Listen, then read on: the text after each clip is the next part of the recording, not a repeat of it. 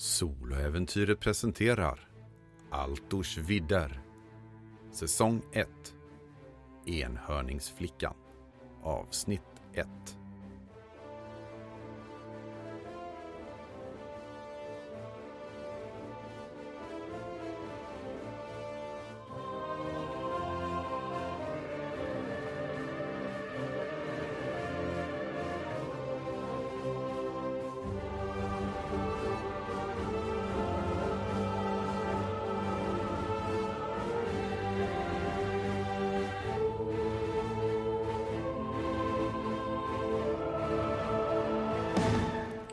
Låt oss nu återvända till den unga flickan som Ogmund räddade livet på då han begav sig till Kandra. Genom hans vägledning så fann Lela enhörningshornet och väckte sina slumrande krafter. En rå, magisk potential hade väckts och på några sekunder hade hon fyllts med kunskaper som få magiker skulle hinna lära sig under en livstid. Men även om Lelas kraft var stor besatt hon inte nödvändigtvis kunskaperna för att använda dem säkert. För att få det nödvändiga kunnandet och erfarenheten så krävdes studier och det var därför som hon stannade kvar i den livgivande källans tempel då Ogmund begav sig hemåt. För Lela väntade hårda studier för att få kontroll över sina krafter och inte skada andra, eller sig själv med dem. Men allt var trots det harmoniskt, tryggt och kanske även lite tråkigt. I alla fall tills dagen då hon hade den där märkliga drömmen. Efter den förändrades allt. Det är dags för dig att höra en berättelse om frön av ondska nya vänskaper och en förlorad barndom. Detta är berättelsen om enhörningsflickan. Det har gått två månader sedan den där dagen då Ogmund tog avsked ifrån Liella för att återvända hem till Torsborg. Det var ett nödvändigt farväl. Ogmund hade plikter och skyldigheter som han var tvungen att fullfölja. Även om han trivdes i den livgivande källans tempel. Kvar där blev Lela. Hon som Ogmund hade funnit och räddat ifrån svartprästerna. Hon som hade återförenats med enhörningshornet, rört vid det och väckt den slumrande grundarens själ och låtit den reinkarneras in i henne.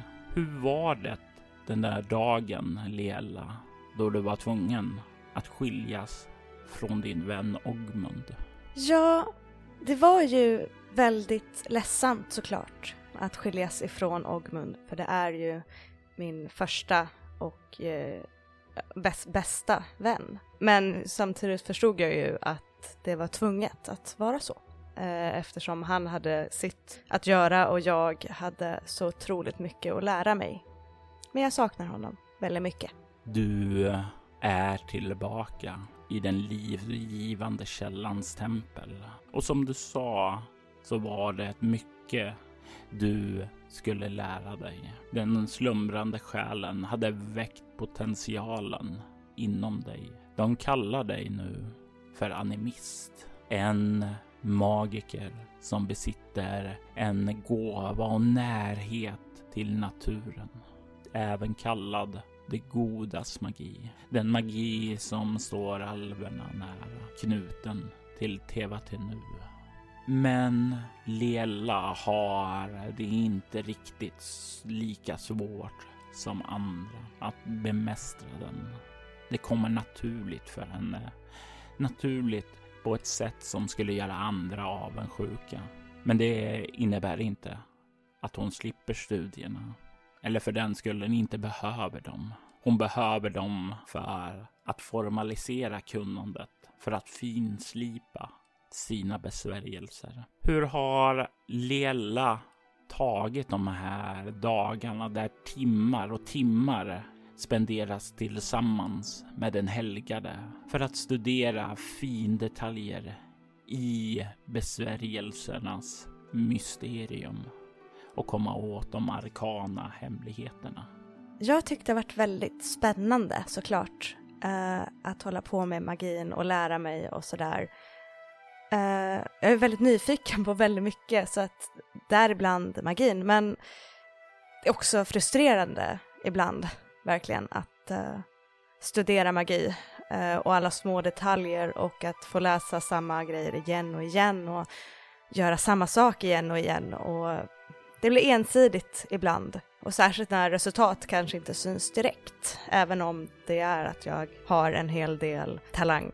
Så att ibland är det ganska, jag vill inte säga tråkigt, men ibland vill, vill jag istället ut och göra något annat. Men jag förstår ju att det är viktigt att jag ska lära mig det här. Innan du blev kidnappad, innan du mötte Ogmund så var ju du betydligt mer fri att göra vad du ville. Du var med i trädgården och skötte om växterna. Du var med och tvättade. Det var så många olika saker du kunde göra då.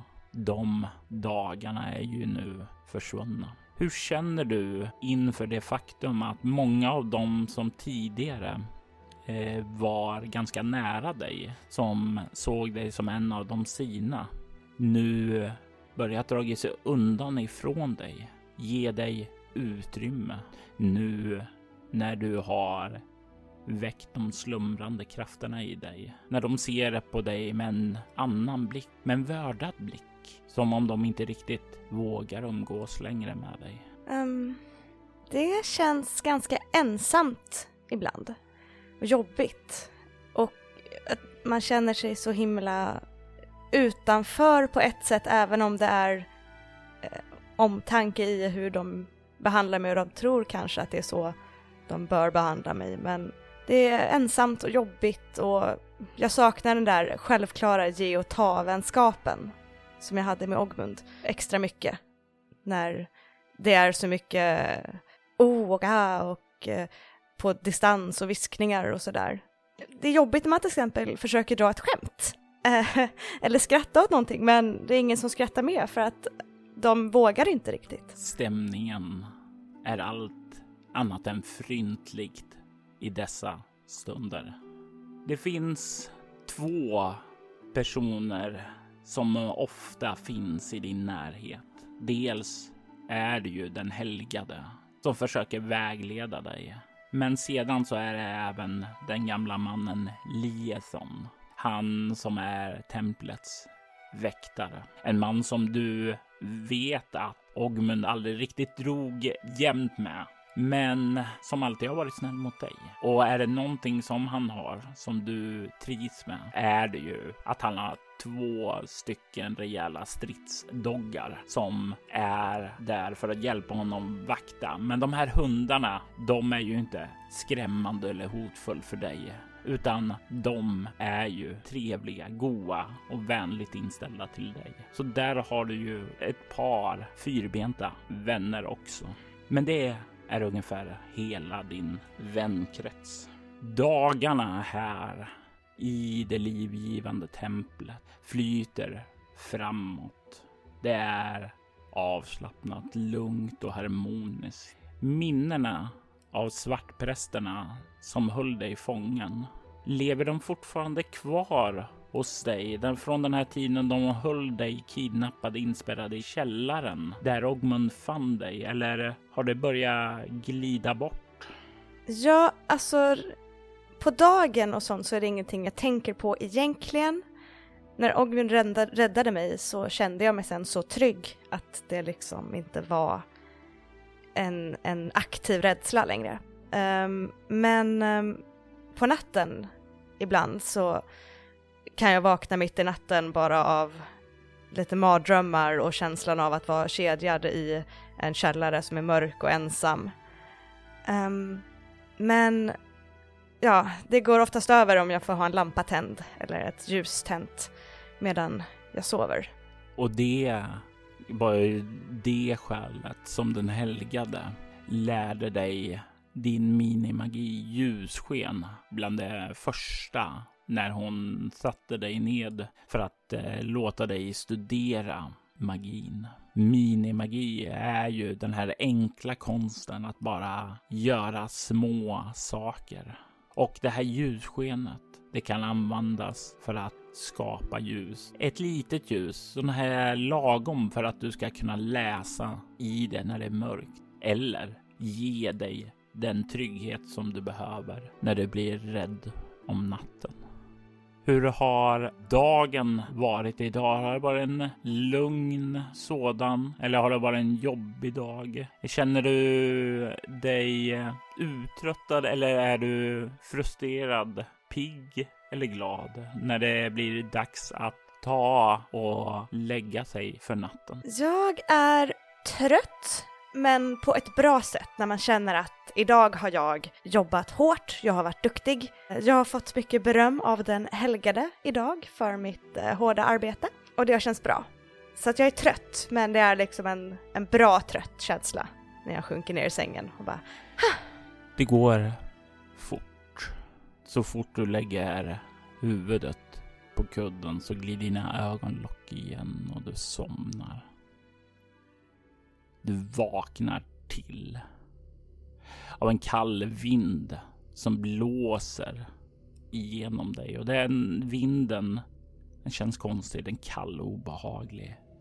Det är definitivt inte så att en vind brukar komma in i byggnaden där du sover. Så det känns annorlunda.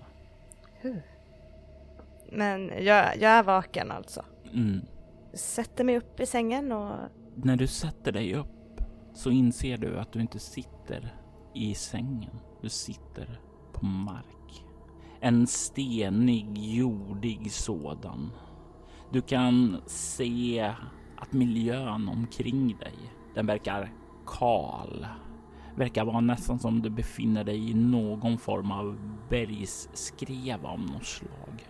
Du kan se hur sten Väggar reser sig uppåt och du kan se hur den här skrevan du befinner dig i verkar ringla nedåt åt ena hållet och uppåt åt den andra.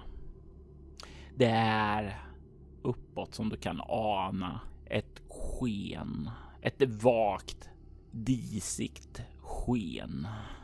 Kan höra åskmuller där utanför också. Ja, är det ett varmt ljus eller vad är det för sorts ljus som jag kan se uppåt? Det är ett ljus som är allt annat än varmt. Det är som om solen vill stråla, men som om någonting tar ett stadigt grepp om det och försöker kväsa dess ljus med moln och dimma. Mm. Om jag kollar ner för Ser jag någonting där nere eller är det bara mer berg? När du kikar där nedåt så kan du se att det verkar löpa ungefär 5, 6, 7 meter kanske ned. Men sedan blir skuggorna lite för tunga för att du ska kunna se längre bort än så.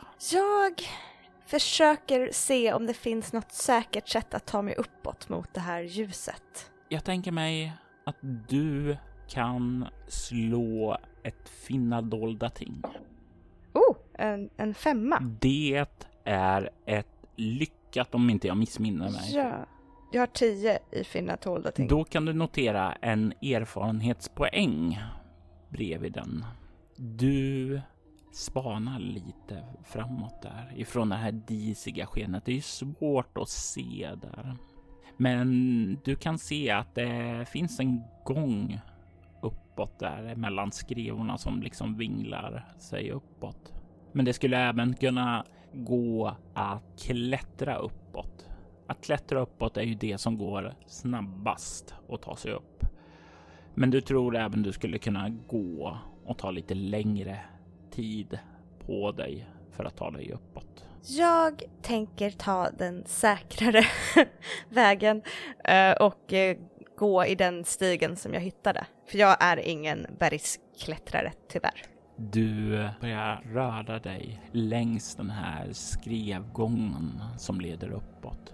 Den ringlar sig framåt som en orm och du kan snart komma så du kan börja ana hur den splittar upp i en Y-korsning som båda verkar leda uppåt. I mitten av den här gången så kan du dock se att det verkar sitta någon med, ja, du tror att det en gång i tiden har varit en människa. Men den är klädd i någon mörk kåpa av något slag och du kan se att den sedan länge verkar vara död eftersom det är bara ett skelett kvar av den. Okej, eh, det är lite uh, nervöst. Um, jag försöker ta mig förbi... Hmm. Uh, det här skelettet, eh, känner jag igen den här kåpan som svartprästkåpa? Nej, det verkar inte vara samma typ av kåpa. När du kollar liksom lite här på avstånd innan du rör dig framåt så är den här väl mer mörkgrå medan svartprästerna var helt svart då. Du kan dessutom eh, lägga märke till en annan sak. Runt den här halsen och ut lite och uppe på kåpan så verkar det hänga ett halssmycke. Det är ett läderband som verkar fästa i den här lilla medaljongen som finns i änden som är gjord av slät metall. På amuletten så kan du se att det finns en symbol. En symbol föreställande en klovförsedd hand som sträcker sig upp mot himlen. Har du teologi? Nej, det har jag inte. Du kan inte dra dig till minnes att du har sett den här symbolen tidigare. Det är ingen, det är definitivt inte en symbol som Delita-orden eller någon av de unga gudarna har som sin symbol. Hmm. Jag har en grej där det står känna magi. Ja, det är en färdighet som jag slår för i det här fallet och du kan inte känna någon magi okay. ifrån den. Jag lägger symbolen på minnet, men det känns inte rätt att ta något från någon som är bortgången, så jag tänker lämna den där den är. Mm.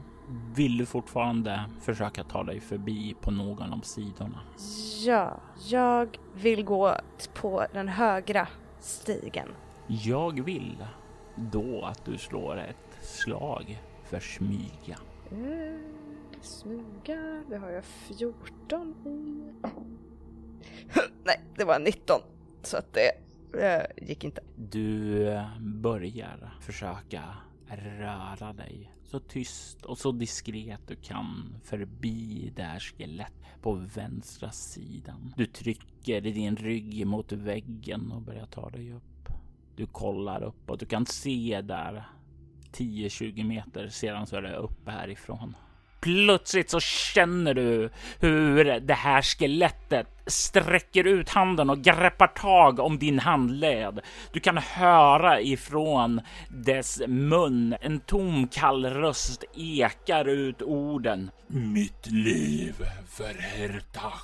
Och du känner hur den liksom bara håller, försöker dra dig närmare sig.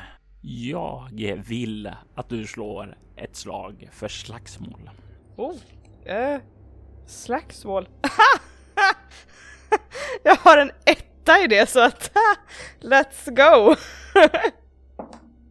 well, det var en trea men oh well.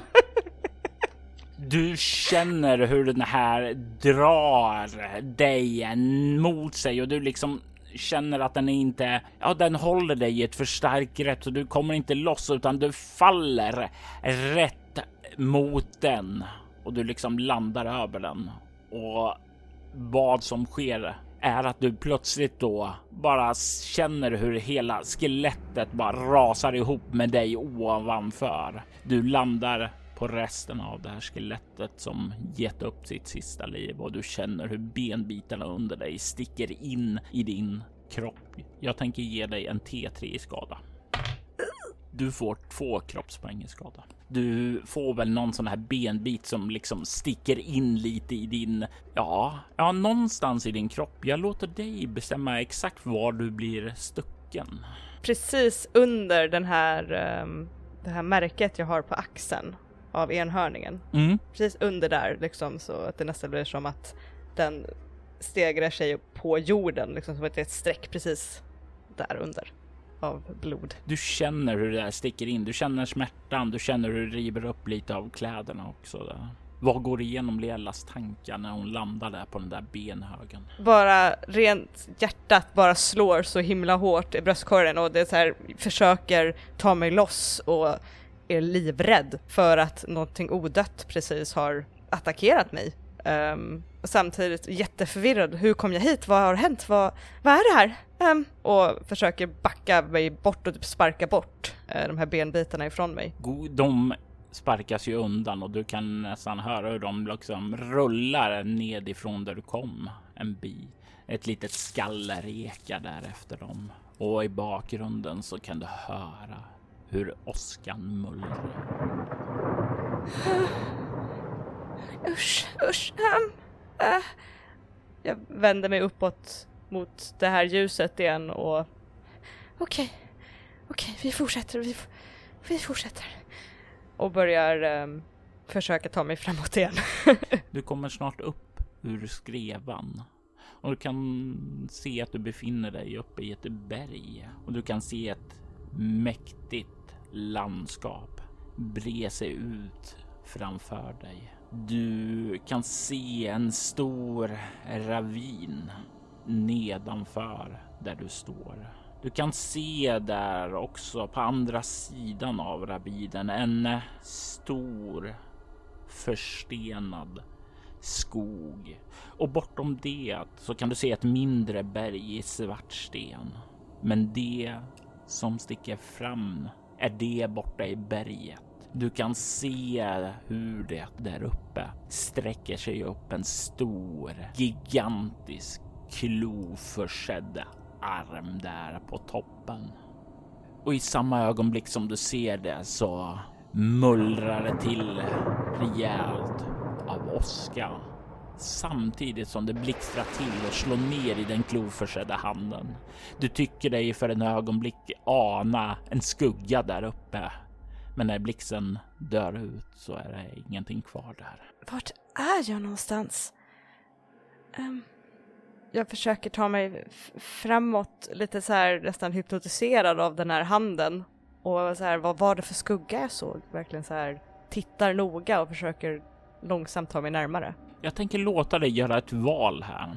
Du kan antingen få slå ett finna dolda ting om det är mer synen som du fokuserar på. Men du skulle även kunna få slå ett lyssna om det är med hörseln du främst observerar din omgivning. Jag tror att jag kör finna dolda ting och försöka se vad det är jag ser där framme. Mm. Nej, det gick inte så bra. Du spanar, du kliver närmare, försöka se vad som finns där. Du såg någonting där och som du sa nästan hypnotisk kliver du framåt. Du ser inte att du börjar komma fram till kanten av ravinen och i nästa ögonblick så tar du ett steg för långt. Ett steg som du känner att du inte har mark under dig och du känner hur du är på väg och falla. Jag vill att du slår ett smidighetsslag med minus fem för att inte falla nedåt. Är det minus fem på tärningen eller är det minus fem på? Smidigheten. Okej, okay, ja. Oh! Med, ja, med det minuset så jag slog 15, jag har 17 men då blir det 12 så att no, yeah, I fail. Du känner hur du är på väg att falla, hur du inte lägger märke till det där och nu är på väg att tumla nedåt i ravinen, rätt nedåt där. Tankarna som går igenom där dig nu när du är på väg att falla mot din död. Vad är de? Ren dödsångest tror jag på något sätt och att jag på något sätt sträcker mig ut för att jag tänker att jag behöver att någon ska hjälpa mig. Jag tänker på den helgade, jag tänker på Ogmund och jag faller. Du faller skriker antagligen också. Och plötsligt så känner du hur det bara rycker till i hela din kropp att det tar stopp i fallet. Hur någon verkar ha tagit tag i dina kläder och du hänger nu och dinglar där över ravinkanten. Jag tittar upp för att se vem det är som har tagit mig. Du kan se att det är en gestalt där, men du kan inte se många drag av denna, för den är täckt av en vinröd kåpa som döljer den här personens drag. Du kan se dock där inifrån huvan att det verkar, ja, från ögonen verkar lysa rött där och du kan se hur den här personen börjar att dra upp dig till kanten igen och sätter ner dig. Um, tack. Uh, vem, uh, vem, vem är du? Vem jag är är oviktigt. Det viktiga är att du bör se dig för när du finner dig så nära Hertach, den fallna guden. Den fallna guden? Han, för det låter i alla fall som en man när han talar, nickar åt dig. Ja, men det är inte hotet du bör frukta. Du befinner dig i ondskans urvagga. Där den onda magin skapades i urminnes tider. Rester från ett förflutet. Okej. Okay. Uh, eh, hur kom jag hit? Hur... Vart är det här någonstans? Jag vet inte hur du kom hit, men jag vet att du befinner dig på Yndar. Och jag tänker fråga om du har en färdighet som heter historia? Uh, nej, det har jag inte. Har du geografi? Nej, inte det heller. I så fall säger namnet Yndar dig ingenting. Yndar, Yndar. Uh, är, är det långt ifrån um, det livgivande templet? Jag har aldrig hört talas om det livgivande templet. Ah. Okej. Okay. Um, uh, vet du hur man kommer härifrån? Ja, han säger bara det och stirrar sedan på dig. Ungefär som han avvaktar din reaktion. Jag tittar på honom. Ja, okej. Okay. Um, hur kommer man härifrån? Han pekar mot ravinen dit du var på väg att falla nyligen. Oh. Okej. Okay. Vill du följa med mig härifrån? Jag kan inte följa med dig. Men om du någonsin träffar min son så vill jag att du lämnar honom ett meddelande. Kan du göra det för mig, Liella? Uh, om jag träffar på honom så självklart. Säg till honom att jag älskade hans mor Tindra djupt. Säg åt honom att jag hoppas att han är redo då tiden kommer att axla sitt öde. Det är han som måste bära dem. Det är han som måste bära kronjuvelerna när tiden kommer och Ereps öde står på spel. Okej. Okay. Um, ehm, vem är din son? Vad heter han? Hans namn är Ogmund. Och i nästa ögonblick när han säger det, innan du riktigt hinner reagera där, så sparkar han till dig så att du far ut över ravinen. Du faller mot din död, men så vaknar du i sängen med din ryck. Vad är det för tankar som går igenom när du hörde det här? Att Ogmund har ett öde som inte han känner till, att det är, det är en, en, en ren chock. Bara en massa tankar som flyger fram och tillbaka. Att jag måste, jag måste hitta Ogmund, jag måste berätta det här för honom, vem var den här personen? Vad hände? Hur kom jag dit? Vad var det här för dröm? Jag liksom kollade och blev stucken av benen och kollar om jag fortfarande blöder. Du blöder inte där, men du kan känna fortfarande att det är ömt där, som om du har gjort dig illa där. Jag måste prata med den, den helgade. Jag måste... Var det där Ogmunds pappa? Du slås av den där insikten och jag vill att du slår ett lyssnarslag också med CL plus 5. Ja, det är under. Då får du en erfarenhetspoäng från den också. Du sitter där insikten och tänker att du måste, du måste tala med den helgade. Och det är nu som liksom drömmen börjar blekna bort då dig. Och det är då du märker att saker och ting är definitivt inte lugnt och harmoniskt här i den livgivande källans tempel. Utanför så kan du höra ljud som bäst kan beskrivas av skrik, stål och strid där ute. Du kan höra ljudet av systrar som försöker springa och liksom du kan höra ljudet av stål som huggs in i deras ryggar. Du kan höra ljudet av spraklande facklor som börjar sätta eld på trädgården där. Du kan höra rop av ondska som kallar på män framåt för att sätta ditt hem i kaos. Ondskan har kommit till det livgivande källans tempel och de verkar inte ha lagt märke till dig ännu här. Du verkar säker, men frågan är bara hur länge. Du kan höra hur det verkar komma närmare.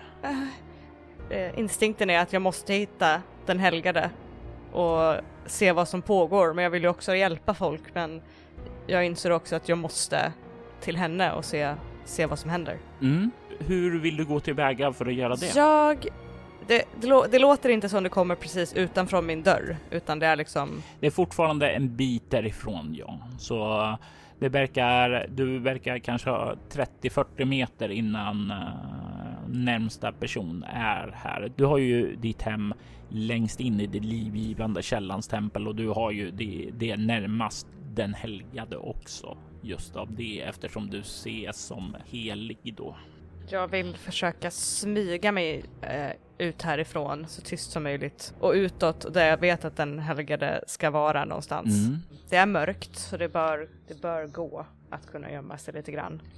Ja, du kommer fram till dörren, kan spana ut och kan se bort emot trädgårdarna. Där verkar det vara fullt kaos. Du kan se systrar som har tagit upp eh, trädgårdsverktyg för att stoppa eh, människorna som har rört sig in här och kläderna. Det, det känns som kall kår glider upp längs din ryggrad när du ser dem, för det är svartpräster. Svartpräster som har kommit hit och de bär stål emot dina systrar. Du kan inte se Liethon någonstans, eh, men när du spanar lite bakåt där så kan du ana den helgades tempel på baksidan av själva helgedomen då. Och det verkar inte så upplyst och inte så uppmärksammat. Så jag skulle säga om du vill smyga dit så får du en CL plus 3. Jag vill smyga ditåt. Jag slår ett slag här i bakgrunden här också. Ah. det var plus 3 som jag fick på, mig, på det. Mm. Oh, ja. Uh, jag slog 15, jag har 17 om jag har plus 3. Oh. Du får ett erfarenhetspoäng. Fördelen här är ju att det är ju mycket botaniska växter och sådant som växer här. Det är gott om växtlighet. Det är mycket ställen att röra sig i skydd av. Du kommer runt på baksidan och kan höra där den helgades röst. hon talar med en man som du inte inte känner igen. Det är definitivt inte Liethons röst, men de verkar samspråka där och du får en känsla av tonen i samtalet, att den är inte vänskaplig. Vad gör du Lela när du hör det här? Jag vill lyssna på vad det är de pratar om. Eh, på distans, fortfarande liksom där jag lite gömd. Vad är du gömd bakom? Jag tänker att jag kanske, om de är, är de utanför huset eller är de? De är utanför, ja. Du får en känsla av att eh, det är som om den helgade har känt mannens ankomst och klivit ut ur sitt tält för att möta upp honom där ute på eh, bakgården vid den livgivande källan som strömmar fram ur berget. Tänker att det finns en stor så här, pilträd om det är nära vatten kanske, som jag kan pressa mig mot bakom och försöka lyssna. Ja, slå ett lyssna för att se hur mycket du uppfattar. Uh, nej, det, nej, 18 har jag i slaget. Det var en 12 som jag har på lyssna. Du eh, försöker att tjuvlyssna, men du hör väldigt, väldigt få detaljer. I alla fall om du håller dig så här långt ifrån. Du kan se dock att eh, den helgade står där i all sin prakt. Orätt möter hon den här mannen som står framför henne. Mannen, ja, han är inte så lång utan han sticker ut på andra sätt. Han har ett silvergrått hår som sitter upp i en hästsvans och du kan se hur det är ihopväxt med hans grånande skägg. Han kanske ser ut att vara i 50-60 års åldern, ärrad och väderbiten.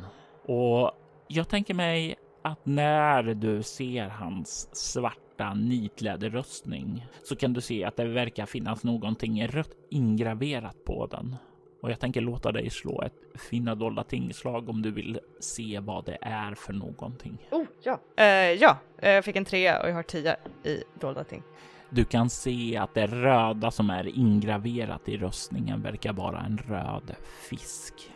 Du ser hur han har handen på hjältet av ett eh, stort svärd.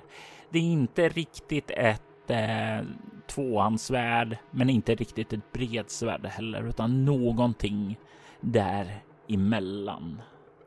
Han möter hennes blick och du kan se att han verkar irriterad.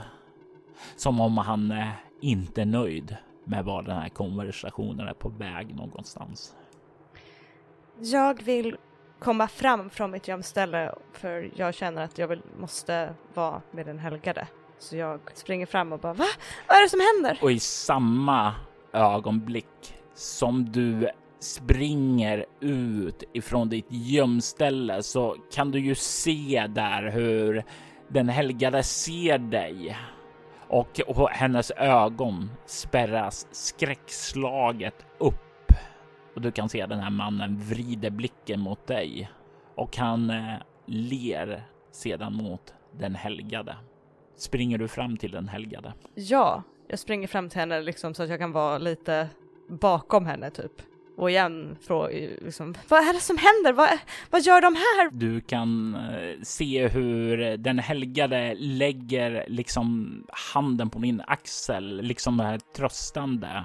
Och den här mannen skrockar lite för sig själv och hon svarar inte riktigt dig på dina frågor utan vänder tillbaka blicken eh, mot mannen och säger Tarik, du måste låta henne gå. Hon har ingenting med det här att göra. Jag bryr mig inte om flickan, men de där borta gör det.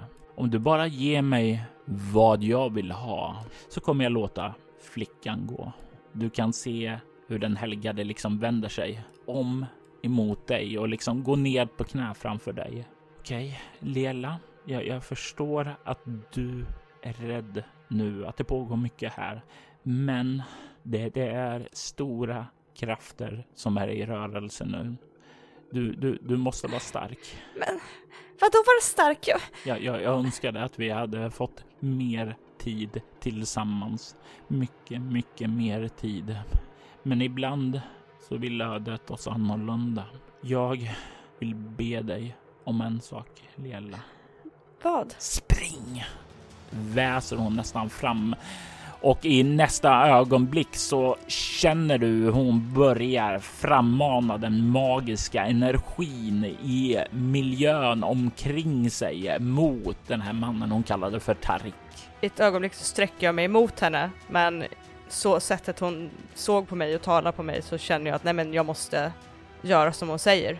Och det är liksom med tårar i ögonen som jag vänder mig om och bara springer rakt ut, rakt iväg.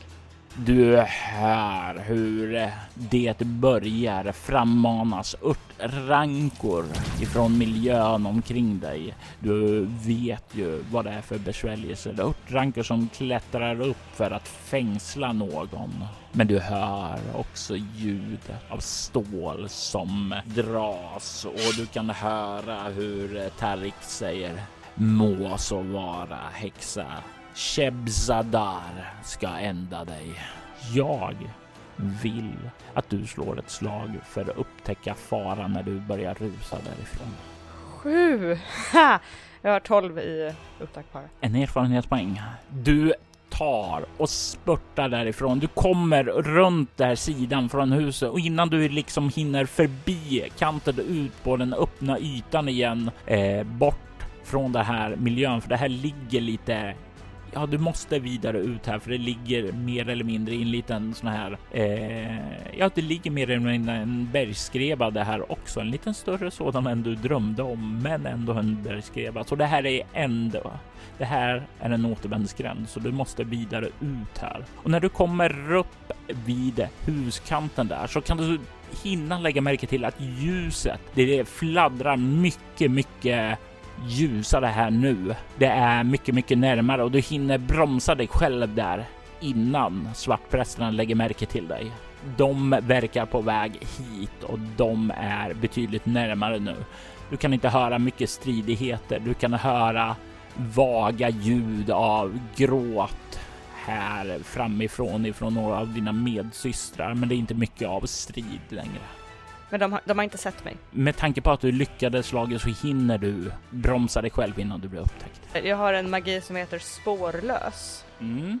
Och det är att jag kan vandra fram i naturen utan att lämna några som helst spår efter mig. Ja, Så jag skulle vilja kasta den och sen försöka med gråten i halsen smyga iväg från det här, ifrån templet och ifrån svartprästerna. ja, då vill jag att du börjar och spenderar eh, en sy eh, och sedan ska du slå mot det eh, värde du har i eh, besvärjelsen spårlös. Eh, det är 17 som är värdet. 15! Jesus. Huh. Du kastar den där. Du lyckas kontrollera nerverna av det och eh, du förtrollar dig själv att inte lämna några spår efter dig. Du hör de här fotstegen komma närmare upp mot dig och jag vill att du slår ett gömma sig slag här nu för att inte bli upptäckt. Eftersom du kastade besvärjelsen har du inte tiden riktigt att röra dig undan ifrån den utan du måste ducka undan bakom någonting. Så slå ett slag för gömma sig.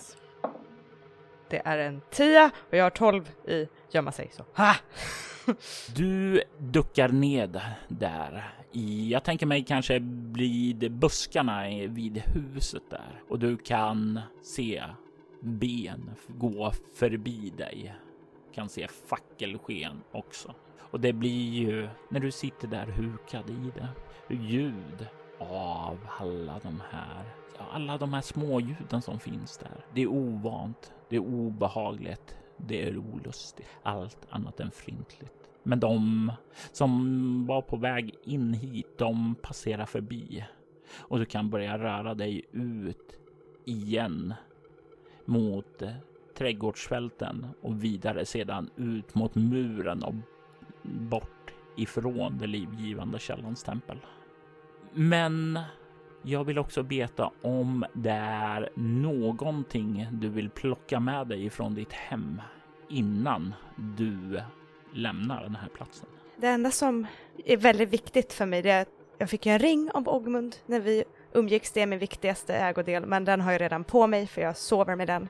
Men jag har också en tekniskt sett ganska viktig eh, formelsamling som jag eh, smyger iväg och hämtar innan jag går för att annars blir det väldigt svårt med magi om man inte kan sina besvärjelser. Det var ju någonting som den helgade har drillat in i ditt sinne om och om igen hur viktig den är.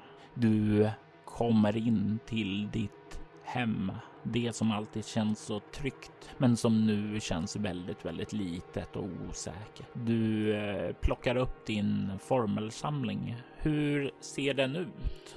Hmm. Jag tänker att det är eh, en liksom läderbunden liten bok. Men det är inte så att den är så häftad utan, eller så, utan det är bara lösa papper.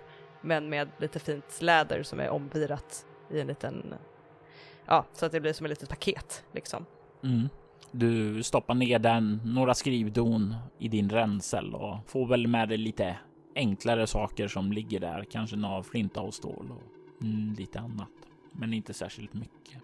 Du reser lätt. Du tittar ut ifrån ditt hem. Kan se där ute i trädgården att det rör sig en del svartpräster med facklor. De verkar gå lite patrull nu, kollar efter överlevande. Du står där i lite hukad vid utgången och spanar ut där. Det är inte helt lätt att ta sig osedd till utgången. Men med rätt timing ska det här nog gå. Jag vill veta hur du planerar att gå tillväga för att ta dig utåt ur templet. Jag sitter i den här busken och kollar och försöker se hur de går. Och sen när jag ser att det finns en, en lucka till att den här utgången är fri så vill jag smyga ditåt. Jag vet inte hur det funkar i, dra i Drakar och Demoner om man kan så här förbereda att man ska kasta en, en spell. Nej, tyvärr. Okej. Eh, Då är det nog mest bara smyga mig ut när jag ser att ja, men vakterna har precis vänt sig och börjat gå bortåt. Jag har eh, fortfarande spårlös på så mina steg hörs inte och sådär heller och sådär. Värt att säga är ju att de hörs ju fortfarande dina spår, men de eh, syns inte. Du skulle kunna gå i snö till exempel utan att du lämnar några spår efter dig där. Eh, okej. Ah, ja. Eh, och du lämnar inte heller någon lukt där. Men det krävs fortfarande ett smyga. Men eftersom du tar dig tid så får du sel plus tre. Den var på 20 och bara bonk på två och jag bara ha, okej. Så två.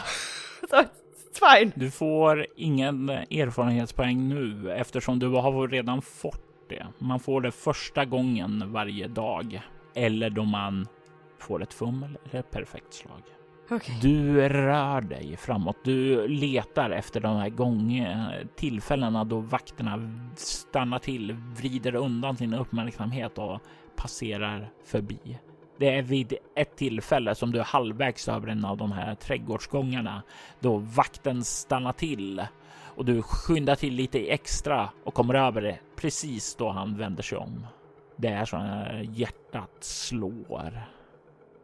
Men han verkar inte se dig.